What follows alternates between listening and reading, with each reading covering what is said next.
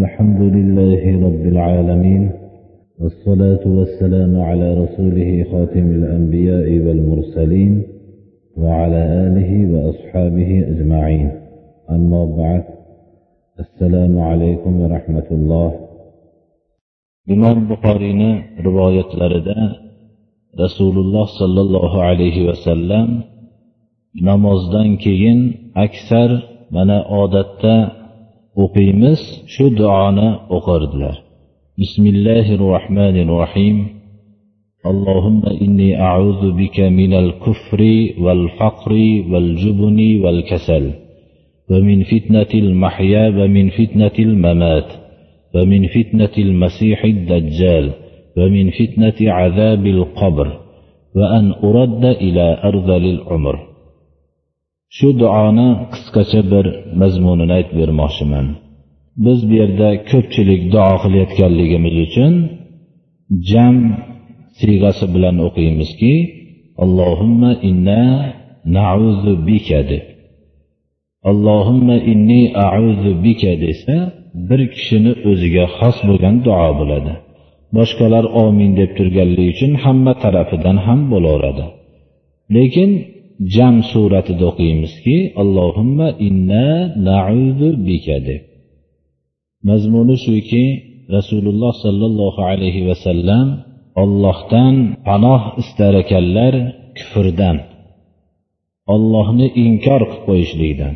U kishining iymonlari barqarorligi mustahkamligi aniq edi. U kishining o'tgan gunohlarning kechirilishligi kechirilgan bo'lganligi kelajak gunohlarning ham kechirilganligi muqarrar edi oyat bilan sobit edi. Lekin bu kishi dunyodagi eng katta gunoh bo'lgan ollohni inkor qilishlikdan panoh istashliklari har bir mo'min kishi doim tashvishda bo'lishliklariga ishorat turadi. Ummatga bu kishi yo'llanma beryaptilarki kufrdan ya'ni ollohni inkor qilib qo'yishlikdan panoh istayman. O'zing saqlagin deb doim duo qilardilar. Va ikkinchi ollohdan panoh istab so'ragan duolari faqr muhtojlikdan odamlarga muhtoj bo'lib qolishlikdan panoh istardilar. Kadal faqru an yakuna kufron. Faqr muhtojlik ya'ni odamlarga muhtoj bo'lib qolishlik bu kufrga yaqin turadi. Chunki odamlarga muhtoj bo'lishlik insonga hamma yomon sifatni olib keladi va odamlar tarafidan uni kamsitishlikka ham olib keladi. Shuning uchun doim mo'min kishi odamlarga muhtoj bo'lib qolishlikdan panoh istashlik kerak. Bu shunday darajaga chiqib qolishligi mumkin olloh saqlasin. Muhtoj bo'lib qolishlik orqasida inson kufrga borib qolishligi mumkin. Shuning uchun kufrdan keyinla muhtojlikdan ya'ni odamlarga muhtoj bo'lib qolishlikdan panoh istashlikka yo'llanma berib bizlarga ta'lim beryaptilar. Lekin al faqru faxriy degan hadisni rivoyat qilishadilar. Rivoyati sahih bo'lgan suratda bu muhtojligim menga faxrdir degan mazmunni bildiradi. Ollohga muhtojlik bu. Ollohga muhtoj bo'lishlik bilan kishi faxrlanmoqligi kerakki men bandaman olloh robbil alamin rabbim meni men rabbimga muhtojman deb banda o'zining rabbiga muhtojligi bilan faxrlanmoqligi kerak استعيذ بالله يا أيها الناس أنتم الفقراء إلى الله والله هو الغني الحميد ey odamlar xoh mo'minlar bo'lsin xoh ollohni inkor qilib yurgan kishilar bo'lsin bular ollohga muhtojdir hammasi odamlar hammalari muhtojdir olloh subhanahu va taologa. Ollohgina bemuhtoj bo'lgan zotdir ana muhtojin ilayhdir ya'ni hamma ollohga muhtojdir ana. Bu muhtojlik insonga ziynat. Insonlarning hech qaysiga suyanmasdan biror bir ish qilinayotganda bandalarga suyanmasdan turib ollohni o'ziga muhtoj bo'lishlik bu mo'min kishi faxrlanadigan amaldir. Ammo bandalarga muhtoj bo'lishlik insonni xorlaydi va odamlar tarafidan minnatlarga sabab bo'ladi alloh subhanahu va taolo odamlarga muhtoj bo'lib qolishlikdan o'zi saqlasin faqat o'zigagina muhtoj qilsin. Valjubuni qo'rqoqlikdan panoh istar ekanlar. Agar kishi qo'rqoq bo'lsa har bir ishni qilayotgan vaqtda uni qilolmay qolaveradi. Hamma yaxshiliklardan mahrum bo'ladi. Biror bir yaxshi ishga qo'l urayotgan vaqtida ollohga suyanib qo'rqmasdan shu ishni davom ettirish kerakki u albatta allohga suyanib qilingan ish yaxshilikka olib boradi.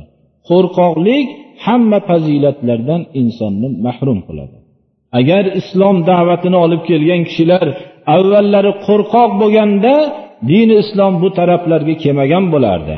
Qo'rqoq bo'lmagan zotlar bilan doim dovyurak bo'lib har bir ishlarida hatto hamma odamlar dushman bo'lib qolishganda ham qo'rqmasdan ollohni o'ziga suyangan zotlar sababli bizlarning tarafimizga dini islom keldi birodarlar.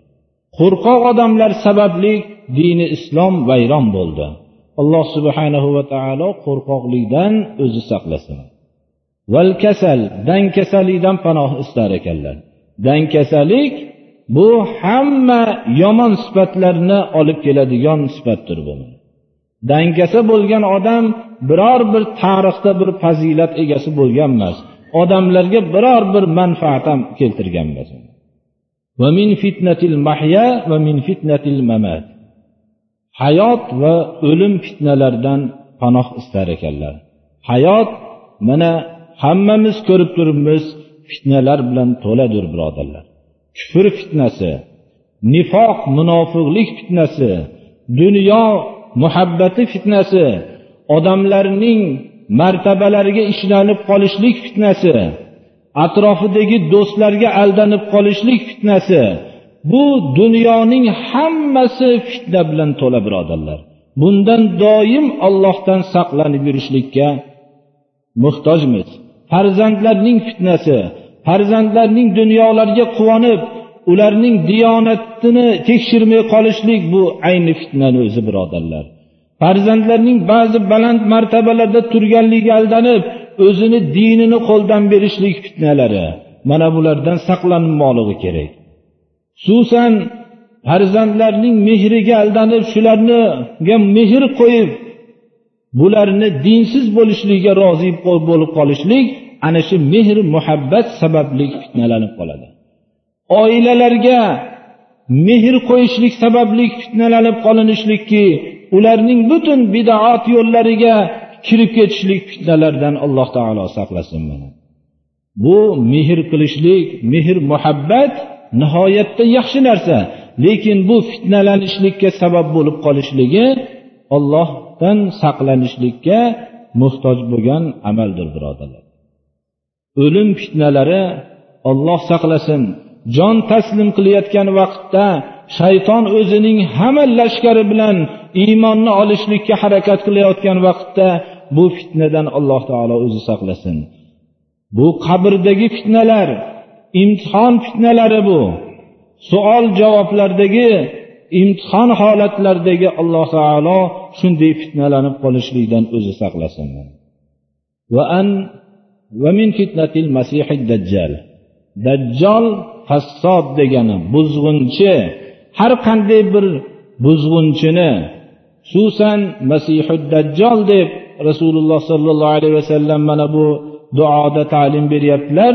Biz qanday kayfiyatda bo'lsa ham shundan alohida bu buzg'unchi bo'lgan odamlar hammasi dajjoldir birodarlar.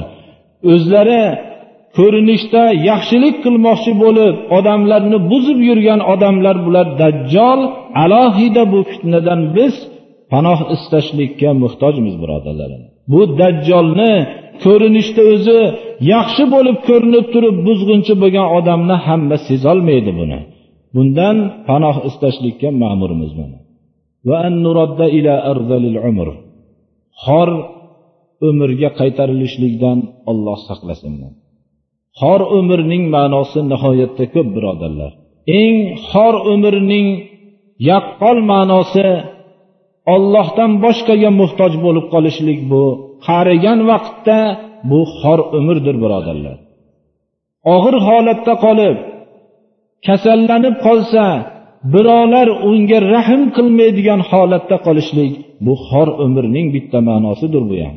Farzandlarga shularni salohiyatiga avvalda harakat qilmasdan ota onani qadrini bilmaydigan qilib o'stirib qo'yilgandan keyin farzandlar ham qarigan vaqtida ota onani qadrlamaydigan bo'lib qolishlik ham xor umrlarni bittasidir bu ham mana. Birovlarga dunyoviy ehtiyojotlarda muhtoj bo'lib qolishlik bu xor umrni bittasidir. Hammasidan ham qarigan vaqtda ham ollohni tanimasdan din bilan kurashib yana yurishlik bu xor umrlarning eng kattasidir birodarlar. Qarigan vaqtda bandalarga muhtoj bo'lib qolishlik buni muhtoj bo'lib qolgan odamlar biladi juda ham bu qiyin umr bu. Alloh subhanahu va taolo xor umrga qaytarilishlikdan o'zi saqlasin va azobi qabrdan panoh istar ekanlar. Azobi qabrdan alohida panoh istar ekanlar. Oysha roziyallohu anhu aytdilarki yo rasululloh siz nimcha ko'p bu azobi qabrdan ko'p panoh istaysiz duo qilganingizda ko'p. Shuni eshitaman deganlarda aytdilarki ey oyisha dedilar agar insonni ishi qabrda o'nglansa u yog'i o'nglanib ketadi dedilar. Qabr bu asosiy imtihon maydoni dedilar. Mana shu yerda baxt saodatga erishgan odamning kelajagi porloq dedilar ana u qiyomat sahrolarida ham najot bo'lishligi muqarrar inshaalloh. Shuning uchun azobi qabrdan alohida panoh istar ekanlar.